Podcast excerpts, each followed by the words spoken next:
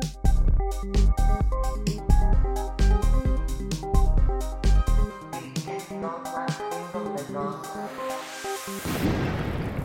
Hej och välkomna till Vilken dag är din domedag? En podcast om kapitalismen i antropocen med mig Jonas Algers från Manifest Tankesmie och Hege Skardu fra Attack Norge. Jonas!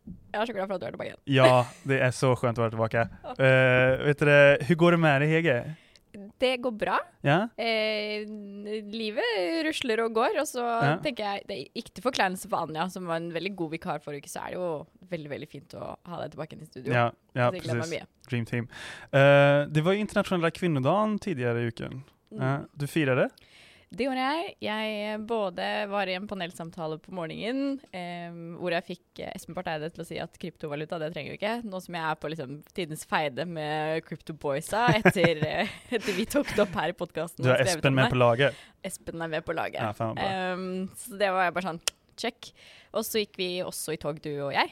Blant Ja. annet. Ja, det var precis. Vi väldigt- sågs ju på tåg. Ja. Eh, vi gick med samba-attack, det var väldigt mysigt. Ja. Ehm, jag tänker idag så ska vi ju prata om eh, krig och klima. Det är ju nämligen så om det är någon som har eh, eh, inte läst nyheterna de senaste tre veckorna så Putin har invaderat Ukraina och sprider Eh, ja, död och förtvivlan hos det ukrainska folket. Eh, men krig har ju också stora konsekvenser för klimat och miljö. Eh, man var på utkikk etter liksom, den ultimate drittstormen, så Ja. er det vel krig og klima sammen, da. Ja, precis. Eh, det här är ju inte, det här är ju förfärligt liksom. Dette er jo en dommedag if I ever knew one. Ja, exakt. Och, eh, och eh, det, kan ju bara bli värre. Ja. Det kan ikke, la oss ikke glemme at det fortsatt er en pandemi der ute også. Ja, precis. Och eh, kom ihåg de, min, liksom, eh, vad säger man, mottot från 2021, det är det kan alltid bli värre. Så kom ihåg det. Du skulle aldri ha sagt det. nej, eller hur? Told you. Du ødela 2022. Fytti rakkeren. Ja, det var, det var, jag jinxade som fan. Okej, men, eh, men eh, jag tänker ett sånt spörsmål då vi ska snacka om idag, det är ju eh, vad, hur kommer kriget påverka omställningen? Kommer det bromsa in det? Kommer det bli mer fossil energi som konsumeras? Eller kommer det att skyndas på? Kommer vi liksom satsar nu på omställning? Och vi ska se lite på olika aspekter av kriget och hur det kommer påverka de här sakerna eh, idag. Men eh, först tänkte vi bara snacka om en dag, ah, en nyhet från denna veckan. Det är nämligen så att eh, eh förra veckan så snackade Hege, du och Anja om eh, rapportsläpp från IPCC som handlar om att eh, natur, naturkrisen var det med mer fokus på då, sant? Att den är värre än vi trodde. Det är mycket mer fokus på, um, på det helheten, både Mm. på mennesker og natur og tiltakene som gjøres. Ja. eh, Som er ganske bra, da. Ja, exakt. Och, eh, och nu har det kommit en ny intressant rapport som är mer specifikt klimatrelaterad då, eh, från IEA, Internationella energibyrån. Eh, de har sammanställt några tall för 2021 och kommit fram till att utsläppen går upp igen. eh, till en nivå som ligger över 2019 års nivåer. Det vill säga att den nedgången vi såg i 2020 på grund av coronapandemin, den har inte lyckats bend the curve som man säger, utan, Eh, utan utsläppen fortsätter att stiga. Då.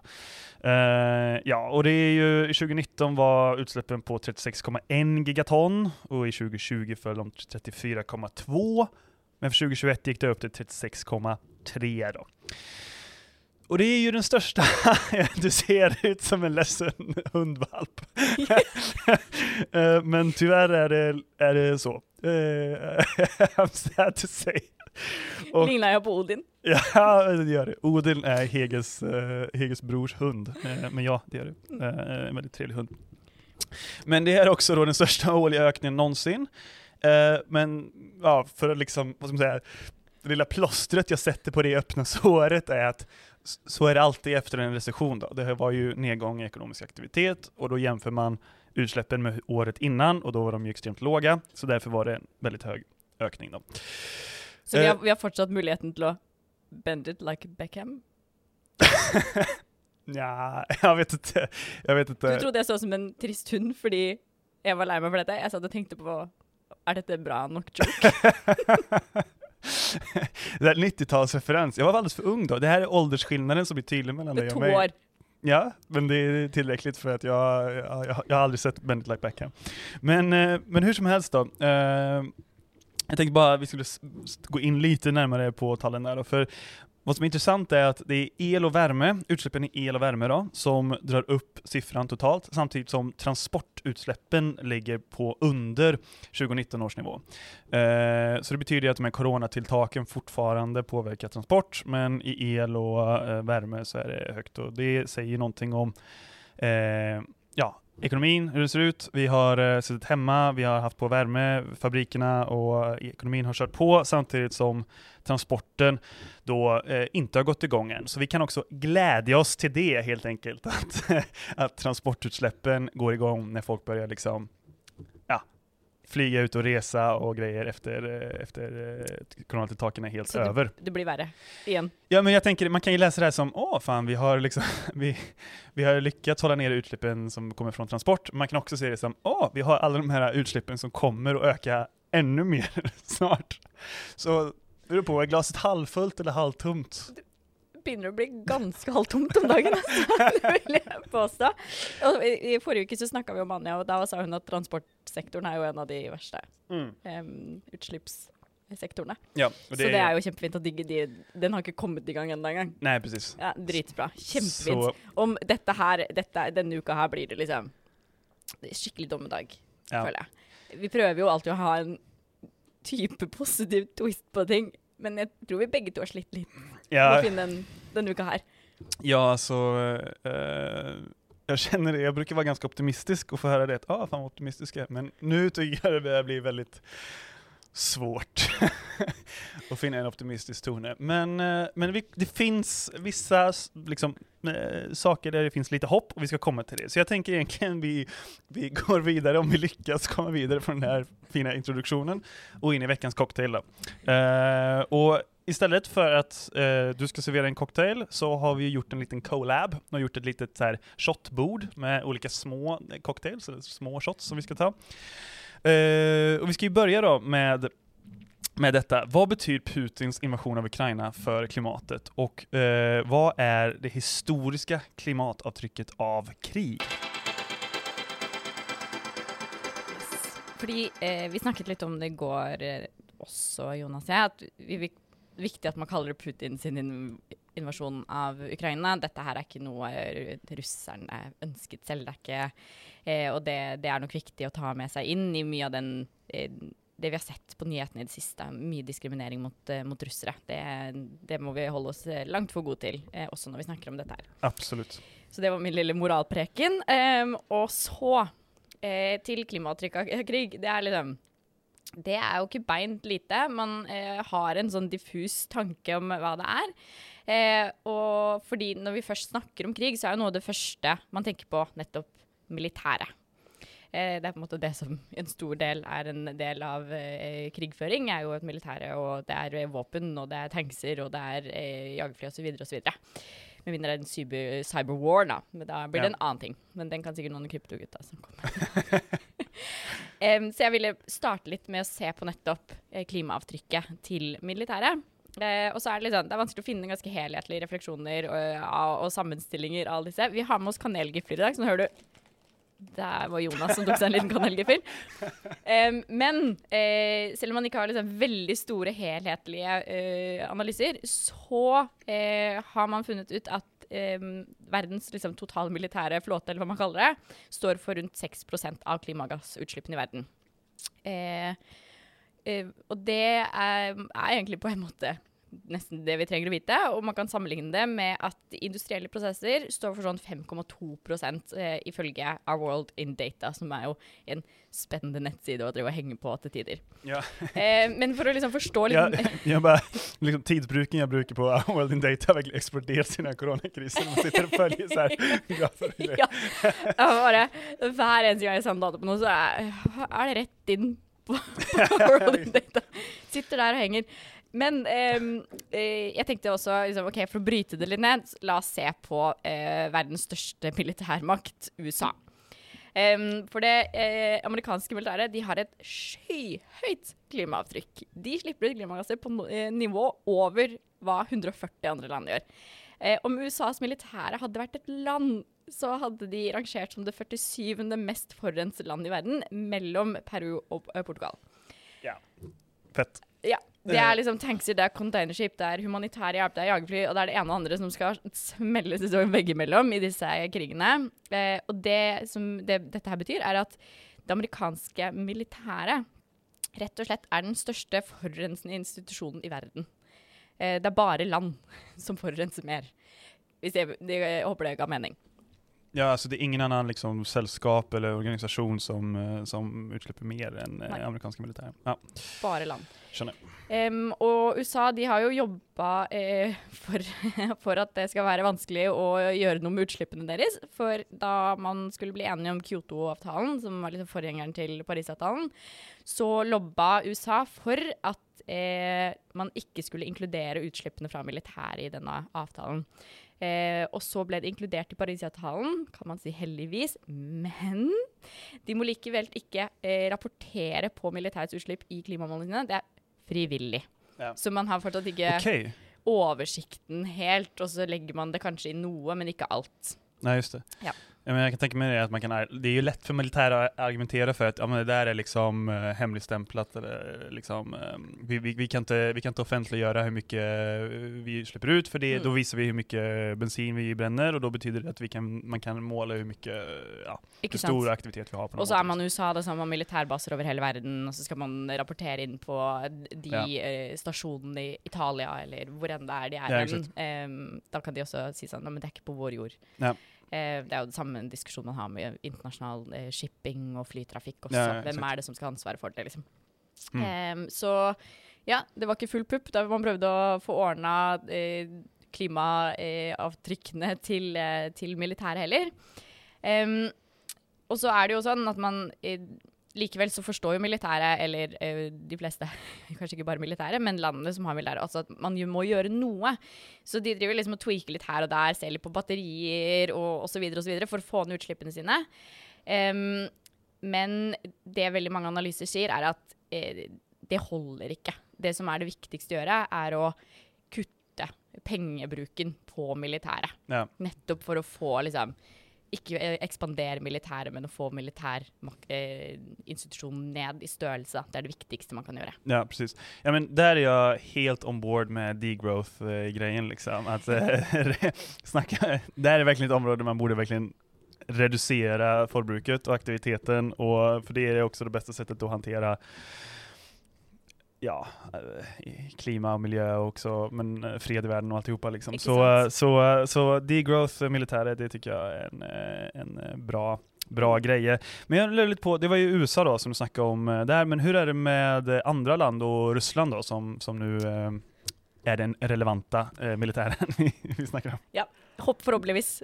Ja. For nå eh, så er det Ukraina og Russland sine militære eh, Ja. makter som er det, eh, Ja, precis. det vi skal fokusere på. Det här tejpas då på onsdag eftermiddag. Vi hoppas att det fortfarande är så när Klokka 15.33 så får vi prøve å se hva som skjer videre. god stämning här i studio. Ja. Og, og prøver. Panisk latter. Eh, jo, altså eh, Bortsett fra at eh, pengebruken til de fleste militærmaktene går oppover, så eh, går det Ja, i tillegg til det. Russland og Kina er jo de andre store, største militærmaktene eh, etter USA. Og eh, i det som eh, USA sin militære driver med, og prøver å liksom tweake litt på det, grønn energi her og der og sånn, det har ikke Russland så veldig mye planer om heller. Eh, de, eh, de har ganske billige eh, nåværende energikilder. Har ikke så veldig liksom Ikke si at Russland er best på klimapolitikk eh, alltid heller. Så de har ikke vist noen særlig vilje til å gjøre om på det der. Og pengebruken deres går jo også opp. De bruker ca. 62 millioner dollar i året på militæret sitt. Eh, og det er ifølge denne nettsiden som jeg fant i dag, hold dere fast, Militarymissions.org. Det är perfekt hemsida för oss som vill liksom diversifiera lite från our world in data. Ja. och, och liksom Den få- er, den er god, altså. Ja. For det et verdenskart, og så Ja. trykker du eh, på land, og så Ja. får du masse info opp. Og så Nydelig. viser de også til om eh, landene rapporterer inn på klimamålene sine til FN. Ja. eh, Militære eller ikke. Ja, Mm. Russland gjør da selvfølgelig ikke det. Nej, men USA gör det. S- så mye tid brukte jeg ikke på militarymissions.org, men jeg kan Jeg skal se på det neste uke, og så kan jeg gi en liten update. ja, ja, det är så. Em, og så er det jo Ja, man har sett på klimautslippene, men eh, aktiviteten til det militære det har også veldig store konsekvenser for natur og miljø. Um, om vi ser på f.eks. Afghanistan-krigen, så avskoging det økte kraftig. Og også forurensning på liksom, eh, mye mindre nivå etter at de brant ganske mye søppel osv. Som har gjort at både lokalbefolkning og militære veteraner er blitt syke. Ja, just det. Og det samme ser man i Irak, bare enda verre. Eh, for her har den herjingen og forurensningen av luft og vann ført til økte tilfeller av kreft og fødselsdefekter. Ja, just det.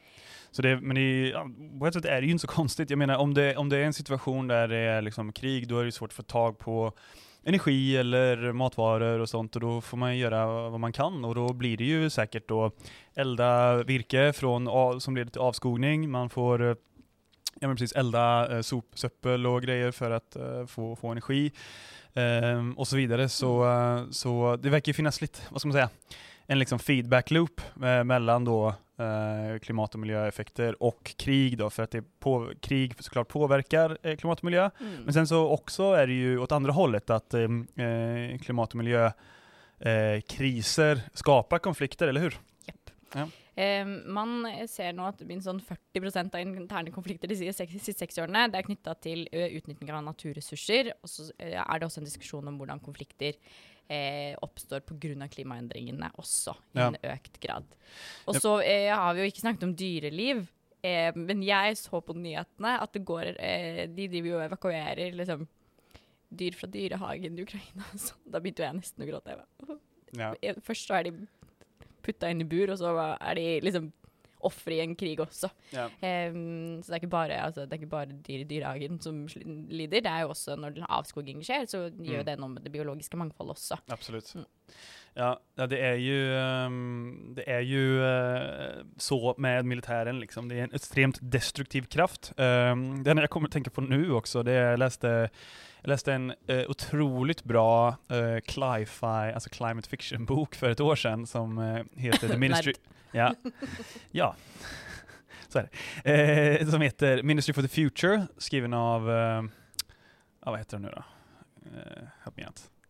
Jeg har ikke lest den, men du har nevnt den for meg før, Ja, og du alla den fall. ganske bra. Ja, Ministry for the Future, Mm. jättebra. Nu har jag inte författarens namn i huvudet, men skitsamma. Eh, och eh, och eh, där då i alla fall så skriver han om att eh, det det är liksom, det är så här av eh, vattenavsmältning på Antarktis. Och då måste man liksom pumpa bort allt vatten för att liksom avstanna liksom den här eh, glaciärsmältningen. Och då eh, samarbetar alla världens militärer. Det här extremt utopiskt ut, verkar. Men de, de åker i alla fall ner dit, till Antarktis, och så eh, med sina, sina såna här eh, carrier ships, liksom, hangarfartyg. Eh, för de drivs ju på kärnkraft. Eh, så de är där och liksom tillför energi då för att pumpa det här vattnet då. Så jag tänker, det är kanske det USA borde göra nu, att de borde köra alla sina liksom, hangarfartyg till Europa och så plugga in sina han- hangarfartyg så vi får lite extra tillgång på kärnkraft. Ja, Energi. eh, altså, militæret i USA har jo vært liksom gjenstand for ganske mye god innovasjon tidligere. Ja, exakt. Så det er absolutt mulig. Altså, Kan man ikke bruke mer på sånne type i- innovasjon Ja, exakt. og bruk isteden? Litt Precis. sånn som, har du sett The, The Simpsons The Movie, der de får sånn herre eh, eh, kuppel over hele eh, Springfield? Ja, Ikke ja exakt. Mm. Ja, precis. Ja, Ja, ja. Det, er det ikke sånne sånn teknooptimistiske løsninger de men- heller kan bruke tiden sin på? Alltså precis, det, det är i alla fall bättre än det de håller på med nu i alla fall. Ja, ja. Altså, alt er bedre enn det de driver med nå. Ja, precis. Men jag, jag tänker bara att det kanske blir lite dålig stämning om det kommer så här, jag vet inte hur många hangarfartyg de har, men de kanske har tio liksom. Om alla tio kommer till Europa och Ryssland bara, mm, Ja, nice. det er veldig sant. Ja. Men okej, men eh, ja, så, så nu har vi snackat, eh, snackat lite om det, om militär och klimat och eh, miljö. Eh, jag kan också säga det att eh, mm, eh konflikten i Syrien, Syrienkriget, har man ju också många pekat på att det hade att göra med torka och tillgång på, på jordbruksmat, att det hade liksom det ökade spänningarna i Syrien, vilket gjorde då att det blev eh, större möjligheter för, för den konflikten som var där. Liksom. Så, så det finns ju den här feedback-loopen mellan krig och konflikt och natur och miljö. Um, sen en annan sak som vi har snackat om, det är ju uh, olje och gaspriser som har stuckit i värdet på grund av detta. Uh, och det har ju att göra med då att uh, Ryssland är en stor producent av både olja och gas. gas de har stora gasfält i, i Sibirien, i norra Ryssland som de skickar i stora pipelines då framförallt till Europa. Eh, och eh, de producerar också olja då.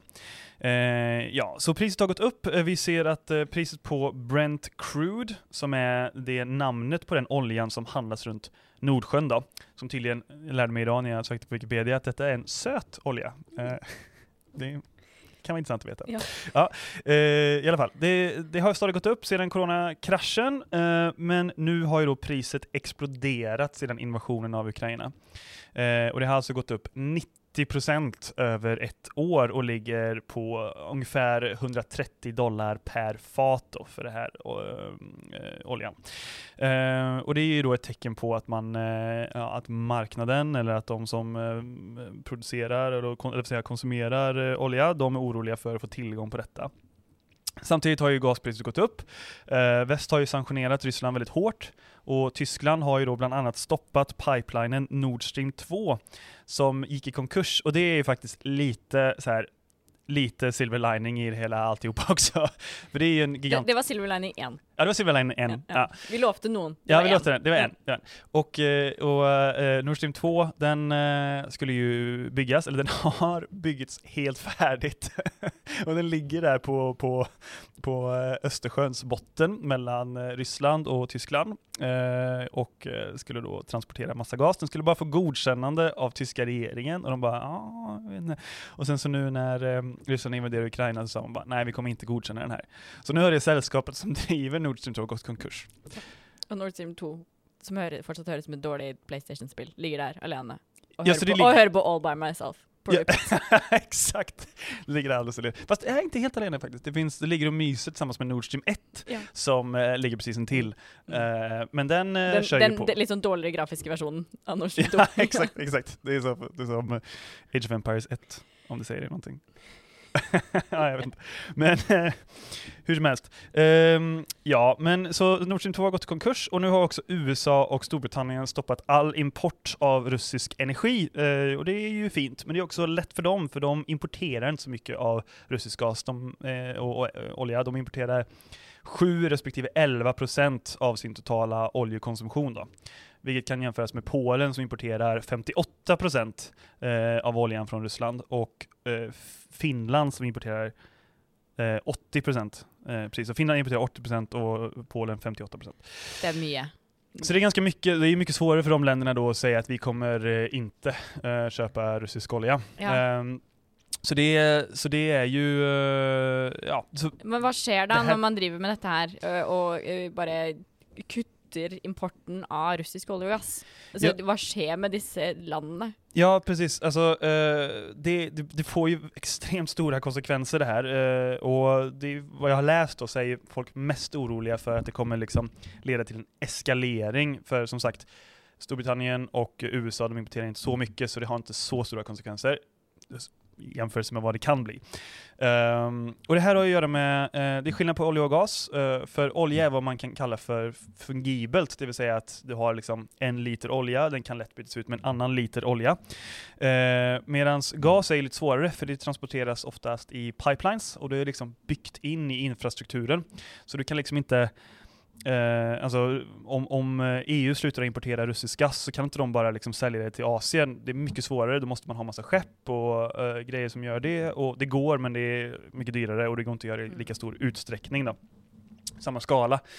Ehm, men, eh, men eh, det får ju såklart väldigt stora konsekvenser. Eh, och för att spara olja då, så har ju energianalytiker i Storbritannien snackat om att man måste dra ner hastighetsbegränsningarna i Storbritannien för att spara eh, energi då. Så man, ska, man snackar om att sänka det till 90 km i timmen. Och jag tror att det kommer komma en hel del sådana liksom, tilltag då i de här länderna för att just spara energi för att liksom, minska konsekvenserna eh, och, och, minska eh, prisutvecklingen på det här. När det gäller gas till exempel så, så det går ju främst till uppvärmning och elektricitet eh, och då vet jag att det, det har snackats om att vrida ner termostat och sånt för att, för att spara mer energi. Då.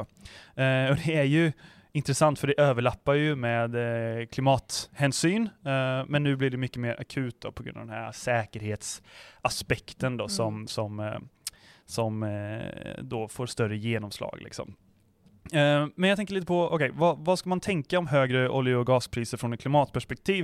Um, för det får ju liksom två effekter på två olika sidor. På, på efterfrågesidan kan man, som man säger då, på ekonomispråk, det handlar ju om att det blir väldigt mycket dyrare att konsumera och då ja, då konsumerar man mindre. Då försöker man i alla fall att liksom skruva ner och sådär och, och, och, och efter mm, konsumtionen så mycket som möjligt. Um, och det är ju bra ut liksom korttidsperspektiv, men på lång sikt så blir det ju också mer uh, intressant att investera i mer utvinning av fossil energi. Um, plötsligt så blir det ju så här, okej okay, om, om eh, sällskap som Equinor och BP och Shell och alla de här kan liksom tjäna 130 eh, dollar per, eh, per eh, oljetunna istället för, fat, oljefat heter det gode gud, oljetunna, eh, oljefat eh, eh istället för, eh, för 50 som det var för några månader sedan, ja då blir de ju väldigt mycket mer intresserade i det. Så att det kommer ju säkert vara eh, Ur kort sikt så är det ju kanske fint eh, ur klimathänsyn, men ur lång sikt så är det här såklart väldigt allvarligt. Liksom. Vanskelig att motstå den fristelsen för väldigt många. Ja, nej men precis. Ja. Det tror jag också. Mm. Uh, men en sån sak jag kan bara nämna det på kort sikt är att Yara, norska Yara då, har ju stängt ner produktionen vid två fabriker i Italien och Frankrike. Och det visar ju också på den sociala konsekvensen som det här har, därför att Um, när det blir så dyrt, då är det ju uh, och produktion som stänger ner för den inte längre kan, ja, den är inte längre lönsam helt enkelt. Och då kan ju folk mista sina jobb, uh, det kan bli dyrare med uh, matvaror, som Jara producerar ju liksom gödsel, gödsel precis. och då blir det ännu dyrare med mat än det vi ska snacka om snart, som har att göra med den direkta konsekvenserna av konflikten. Um, ja, så, så det här kommer ju ställa till en väldig massa rot helt enkelt när det gäller både olja och gas. Och vi får ju se nu vad EU uh, kommer att göra. De har ju snackat om ett stort sanktionspaket så, mm. så det blir uh, ja, det känns ju fel ord att säga, men spännande liksom. Det blir, ja, vi får se vad som händer helt enkelt. Det är svårt att förutse. Så det var det. Uh, och sen så har vi ju en tredje sån punkt vi ville snacka om. Hege, du ska snacka om lite resurser i Ukraina och hur uh, resursutvinningen påverkas av kriget. Mm. sant? För det är ju, alltså, Ukraina är ett svärt land. Ja. Det är ett jättestort land. Ja. Det är över 40 miljoner människor som, som bor där och nu är det 2 miljoner människor som har flyktat från Ukraina på på rekordtid. Ja, jag läste det att det är fler som har flyktat från Ukraina nu än som uh, till EU. Än, uh, det var flyktingar som kom under den stora flyktingkrisen uh, 2015. Mm. då. Och det är väl något som att aldrig har det flyktat så många på så kort tid nästan. Nej, precis. Um, efter, efter andra världskrig. Så um, det som òg er eh, da spennende å se på, som igjen feil ord å si, men eh, som man burde ta med i beregningen her når vi snakker om, eh, om denne krigen og, og, klima, er at Ukraina det regnes som et av landene med et, verden, et av de største reservene av litium i globalt, altså. Ja, det. Eh, det. er mye. Um, og litium brukes som kjent i batterier, eh, som igjen vår kjære venn Elon Musk trenger for å ha i sine Teslaer. Um, Hege har gjort det sin sport å nevne Elon Musk i varenda episode. jeg fikk faktisk skryt for det i går. Er det det? At eh, det var noen som var sånn ah, Jeg setter pris på at dere alltid hater på Elon Musk. Eh, skryter du nå av at du fikk skryt? får inte du ofta skryt på podcasten? jag, jag skryter inte om att jag får skryt. men i alla fall. Ja, fortsätt gärna. Skryt ska skrytas av där man får det. Eh, men så det är ju då potentiellt eh, något bra som kommer ut. Det var nummer två.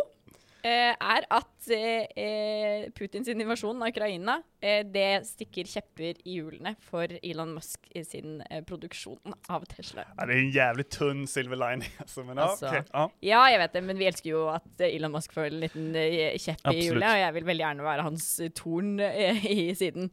Em, men igjen så er det sånn OK, her har vi et av liksom verdens største litiumreserver. Em, vi eh, ønsker å gå vekk fra g- å være kjempeavhengig av Putin eh, for olje og gass. Hvis i verste tilfelle Putin tar Ukraina, em, så vil vi da bli avhengig av Putin igjen for den grønne omstillingen med batterier. Russisk eh, Putins litium, ja. ja Mm. Ikke sant? Så det er jo Det nesten jevner ut den ene positive tingen som jeg hadde i stad. Em, så man får velge da mellom eh, hvem vil han hate mest, Elon Musk eller Putin. Em, og så videre så er også sanksjonene som kommer mot eh, Russland, veldig viktig. For eh, det russiske selskapet Nornickel, jeg aner ikke hvordan man sier det, men jeg sier det på den måten, produserer 20% av verdens rene nikkel. Eh, og Russland er også en storprodusent aluminium, som òg er viktige komponenter i batterier. När du säger ren nickel, menar du då liksom eh, lite menar som du då? Ja. Att sån, det, det är... det är en kvalitet liksom? Ja, det hög exakt. kvalitet, ikke sant? Ja. Det är inte så att den är producerad av liksom utan utsläpp eller något sånt där? Nej, nej, nej, nej, nej, Green, green nickel, nej. Nej. Nej, det vill jag inte tro att Ryssland driver och tuller med. fossil free Få nickel. det ut. Ja. det är det de driver med. Ehm, eh, ja, og så, så dette her har jo mye å si for batteriproduksjonen eh, i verden. Men mye annet har også hatt eh, å si for dette her. Så liksom, all ressursbruken går jo inn i en liksom større eh, clusterfuck av ting. Eh, fordi tidligere i februar så sa Elon Musk at han uansett vil bytte til billigere batterier eh, i flere av bilene sine. Nettopp fordi kostnaden for råmaterialer allerede har gått såpass opp pga. pandemien. Eh, så nå vil de også gå enda mer opp potensielt, og være mindre tilgjengelig pga. dette, både sanksjoner og invasjon. Så da driver jo også denne elbilsatsingen, som mange politikere og folk i vårt ringeland i Norge er veldig fan av. Den skranter jo litt nå Ja, exakt. også. Ja, det, blir, det riskerar ju då att det blir ännu större eh, problem eh, när det gäller sådana här värdekedjor då, som man snackar om, som har varit problem under pandemin. Att, eh, att det är vanskligt att få tag på ja, men, eh, olika resurser och, och också transportera Ja, olika så, varor. så grejer. blir det dyrt, så er det bare der den øvre middelklassen som er de som har råd til dette. Eh, Elon Musk har allerede skrota den planen man hadde om å lage en ganske mye billigere eh, Tesla-variant. Ja. Fordi den billigste nå koster sånn eh, vet ikke jeg, 40 000 dollar eller et eller annet, og så skulle de lage en som kosta sånn noen 25 000 dollar. et eller annet. Dette her er tall som jeg bare husker fra sånn langt tilbake i tid, men Ja, det. det var noe ish der. Eh, og det har han allerede liksom de hadde, han, han hadde ikke tid til det, han hadde for mye too much on his plate til å drive og deale med det. så eh, så da blir, liksom, da blir elbilsatsingen enda mer en Ja. middelklassegreie, da. Ja, och omställningen går långsammare. Ikke sant? Ja. Em, og så, eh, når vi først er inne på krig og ressurser, så er- er det mye knytta til det du snakket om i stad, om Yara. Em, denne her krigen stiller oss over eh, for en skikkelig stor matvarekrise som kommer til å gå langt utenfor Ukraina og Russlands grenser. For Russland og Ukraina de har tidligere blitt kalt Europas brødkurv. Eh, fordi Russland står for eh, sånn 18 og Ukraina for rundt 8% av global hveteeksport. Sånn, Til sammen så ligger de på rundt 30% av den globale hveteeksporten Nice. i verden. Det er kjempemye. Eh, og Ukraina alene står også for 13% av verdens maiseksport. Og mye av det her går faktisk også til World Food Program Ja. fra før av. Faktisk Så- 50% av hveten til, eh, som World Food Program bruker, kommer fra Ukraina. Yes, okej. Så World Food Program, då ska vi säga, det är FNs... Eh, Matvareprogram. ja, just det, Så matvaruprogrammet. de driver jo med, eh, med hungersnød og gir Precis. eh, eh, Driver med, med nødhjelp der, da. Ja, så det är de mest akuta, eh, alltså det är mest akut behov eh, Mm. som kommer också drabbas väldigt stor grad av, av den här matvarukrisen. Jag tror, jag, jag tror man kan våga säga det att så här, vi som bor i ett tryggt västland, vi kanske inte behöver vara så oroliga för, eh, för tillgången på mat. Det kanske kommer bli dyrare eh, och det är ju inte bra det heller. Men framför allt då att World Food Program liksom mister eh, 50% av eh, Mm. av s- sitt majs tillförsel, Vet det. Mm. vetetillförsel. Det, är, det är ganska allvarligt då. Det er veldig alvorlig, fordi det som sånn, Lenge så gikk eh, det veldig bra med tanke på målet om å utrydde sult i verden. Mm. Em, mens de siste fire årene så har det virkelig Der tok han seg en liten kanelgiffel igjen, ja. Når vi snakker om mat og sult, så var det godt at du fikk tatt deg en gaffel, ka- kanelgiffel. Em, men eh, altså det har gått feil vei i sånn fire år, eh, virkelig. For mennesker, eh, antall mennesker i akutt hungersnød eh, har økt fra 80 millioner til 276 millioner de siste fire årene, sier da eh, Verdens matvareprogram. Og eh, mye av det er også grunnet matproduksjon eh, av klimaendringer, men det er liksom konflikt osv. Så, videre, og så, videre. så eh, når man har gått såpass mye opp da, de siste årene, så hadde det jo vært kjekt for Verdens matvareprogram eh, å kunne hatt de 50 prosentene Ja, eh, og exakt. kjøre videre. Ja, det är... Ja, det... Vi, vad ska man säga? Alltså det här kriget kommer verkligen på en väldigt...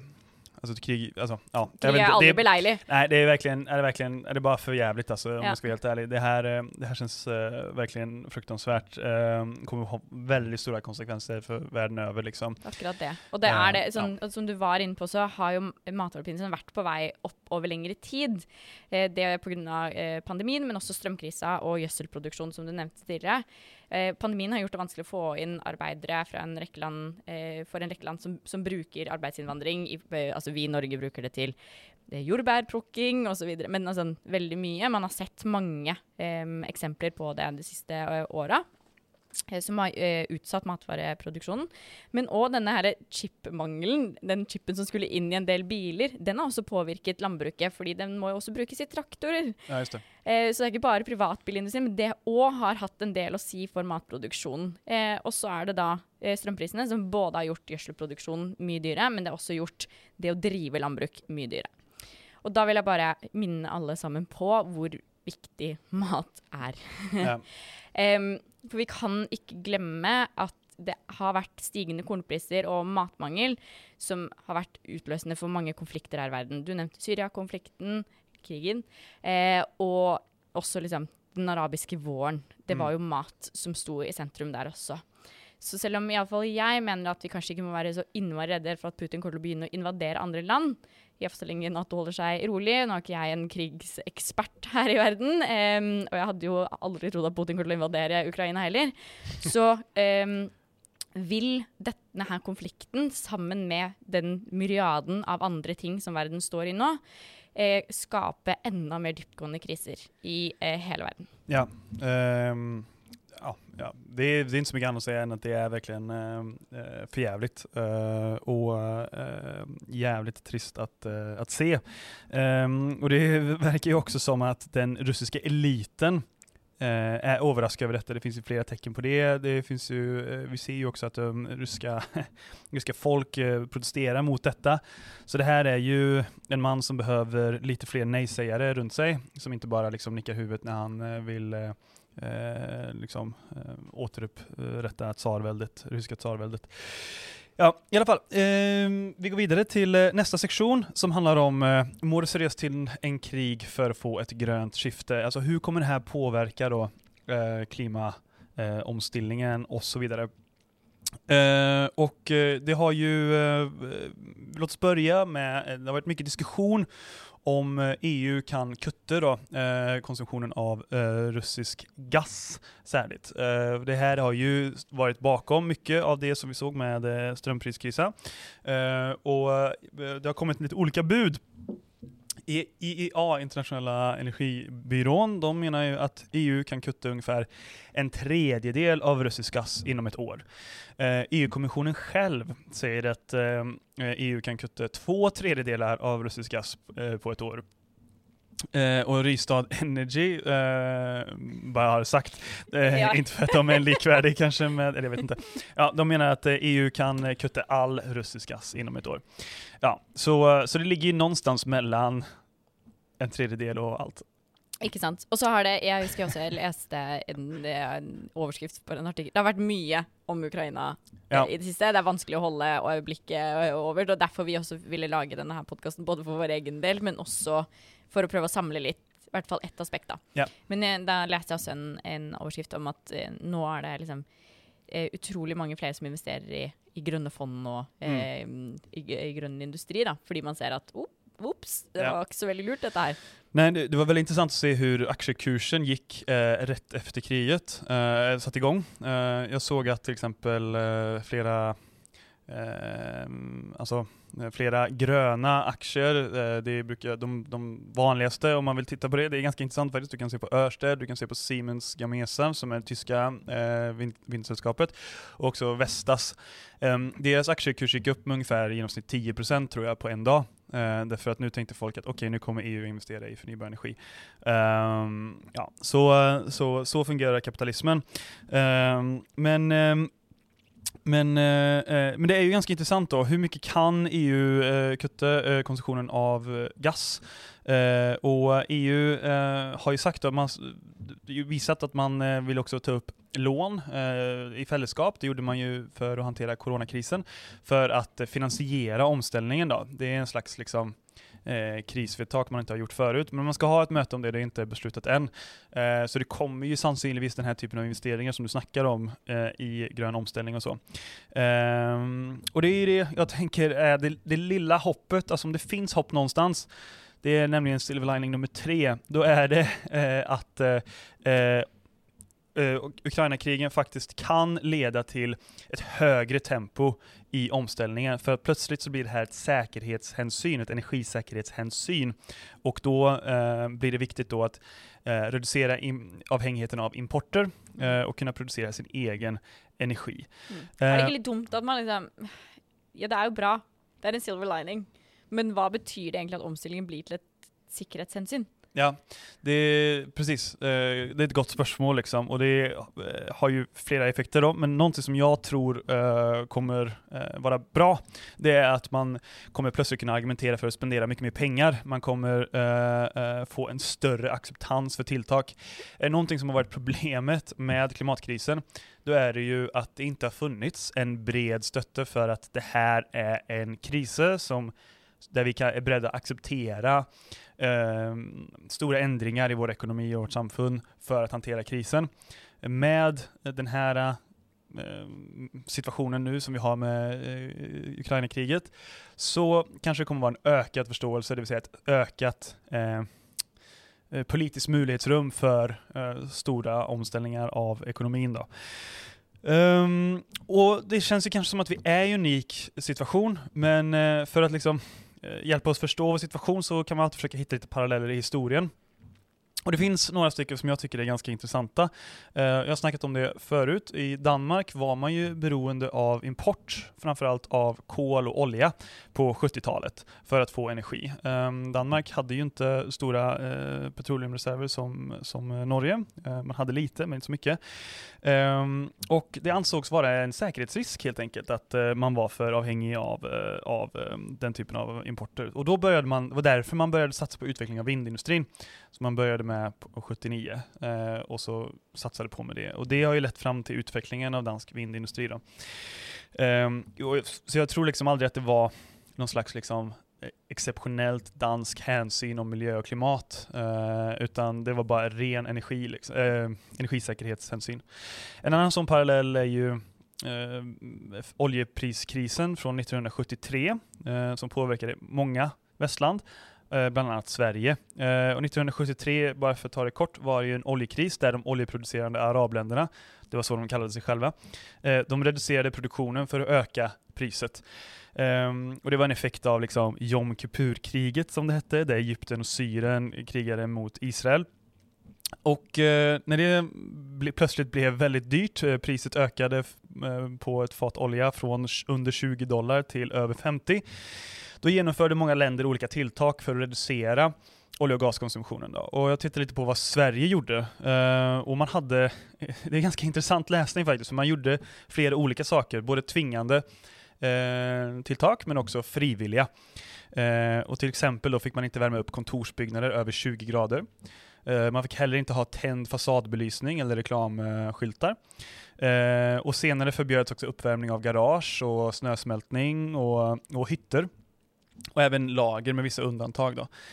Eh, så man gjorde väldigt stora ingrepp liksom för att reducera energikonsumtionen. Sykt kult. Altså, både at man finner penger altså, Det er det, Ja. I krisetider, eh, Ja. i krig. Man finner penger. Men at man bare Nei, nå, det, det er jo det her vi må, det er der vi må være. Ja, precis. Uh, och det, det, det som är jävligt intressant, och jag läste en Det er artikel... godt at det var noe bra som skjedde på 70-tallet. Ja, Eh, jag men, Økonomi, liksom. exakt.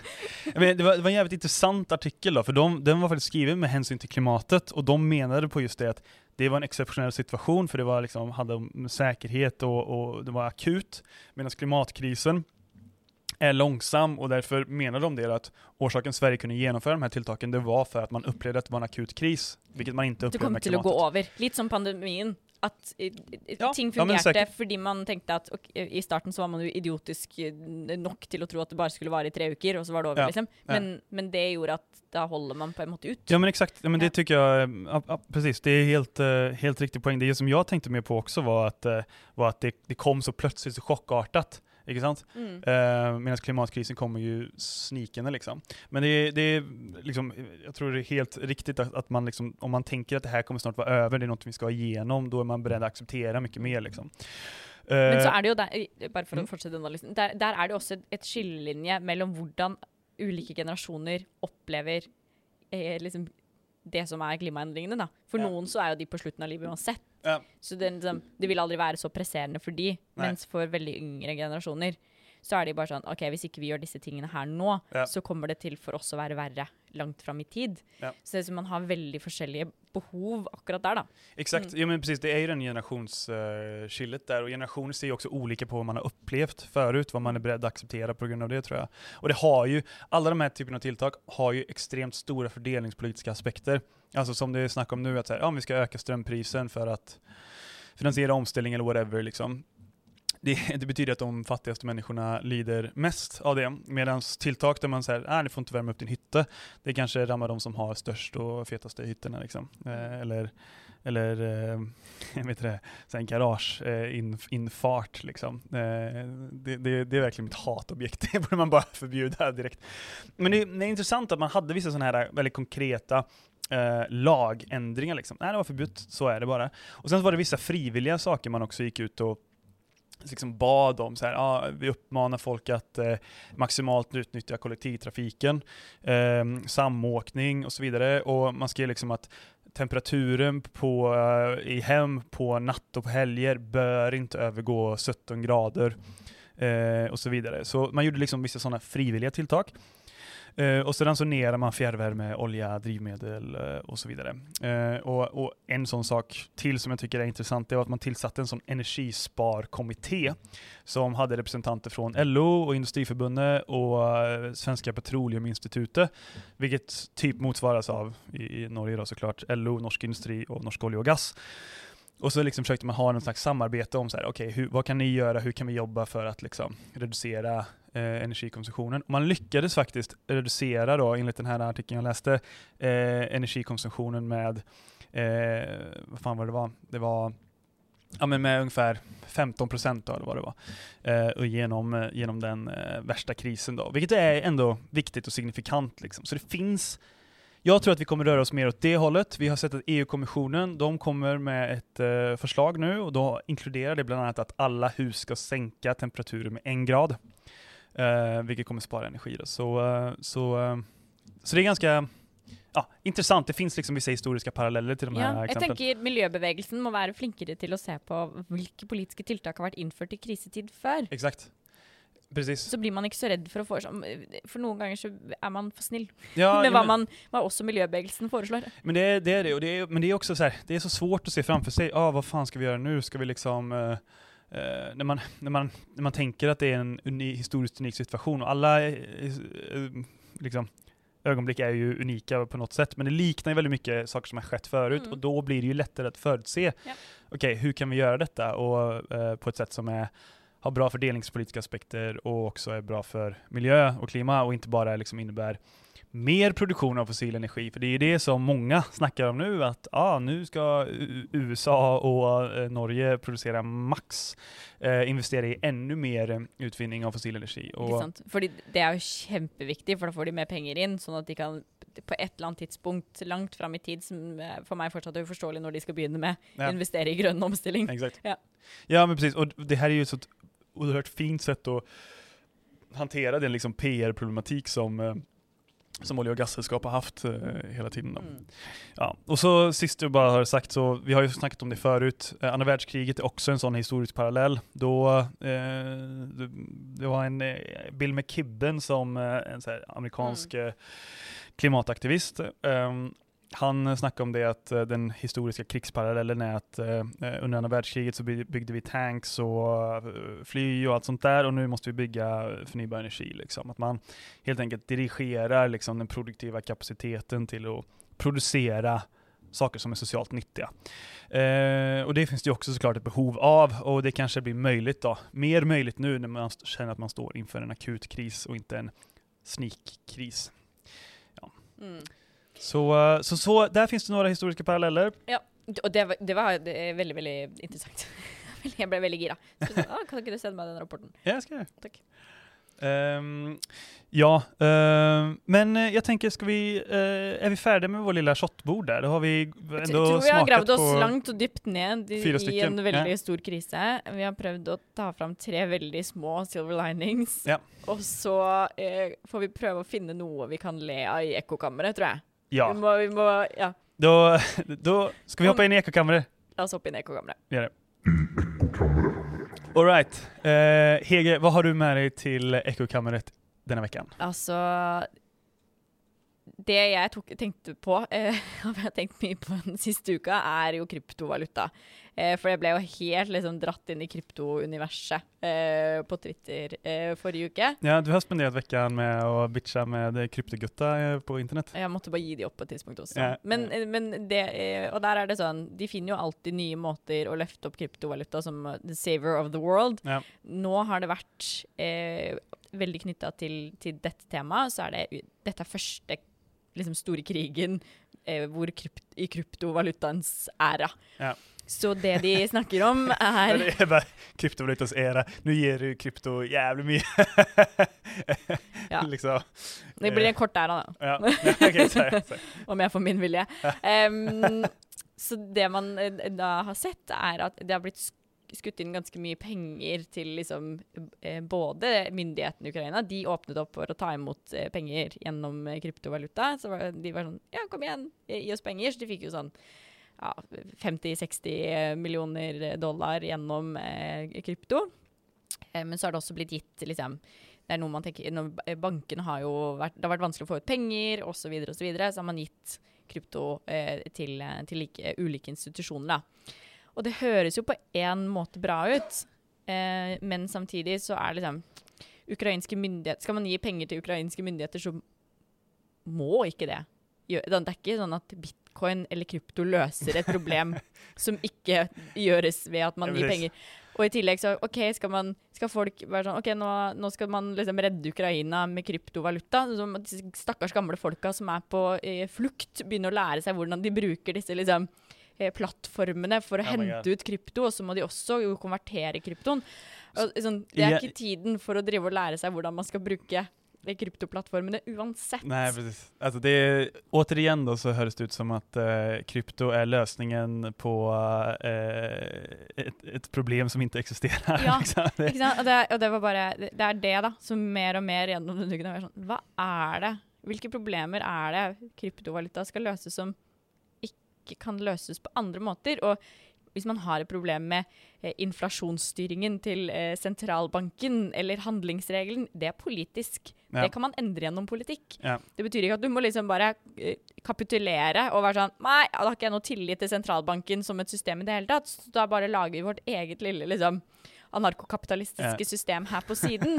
og så putter vi masse penger der. Og så vet, hvor går disse pengene? Går det til liksom høyreekstreme grupper, eller eh, er det ikke sånn at OK, men kanskje Leger uten grenser, Norsk Folkehjelp, eh, liksom Redd Barna eh, de sånne ting. finns fortfarande liksom. Ja, de finnes. De, Ja. de eh, vet hvordan man skal eh, håndtere disse midlene og håndtere en krise. Ja, Mm. exakt.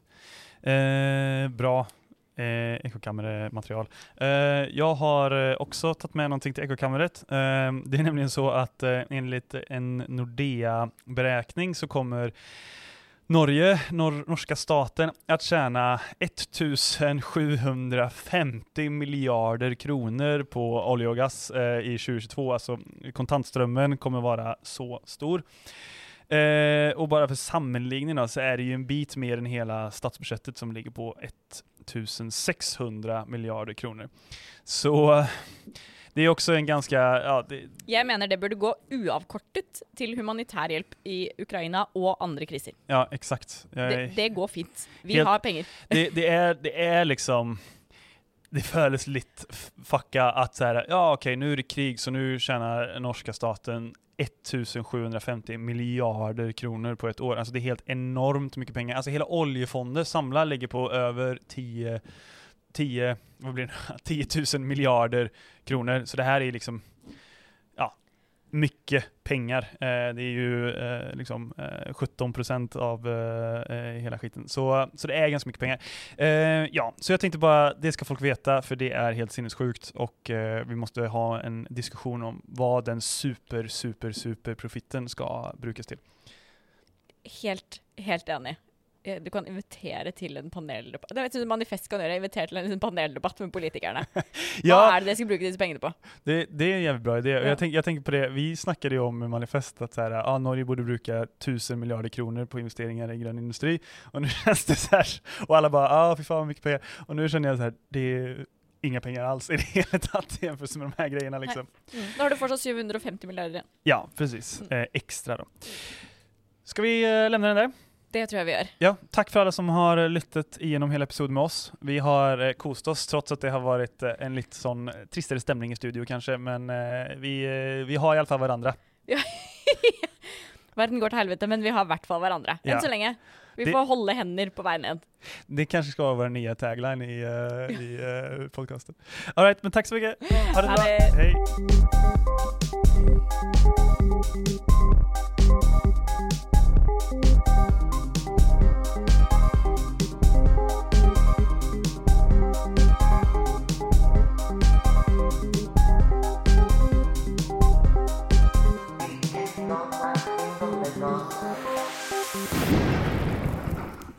Den er det.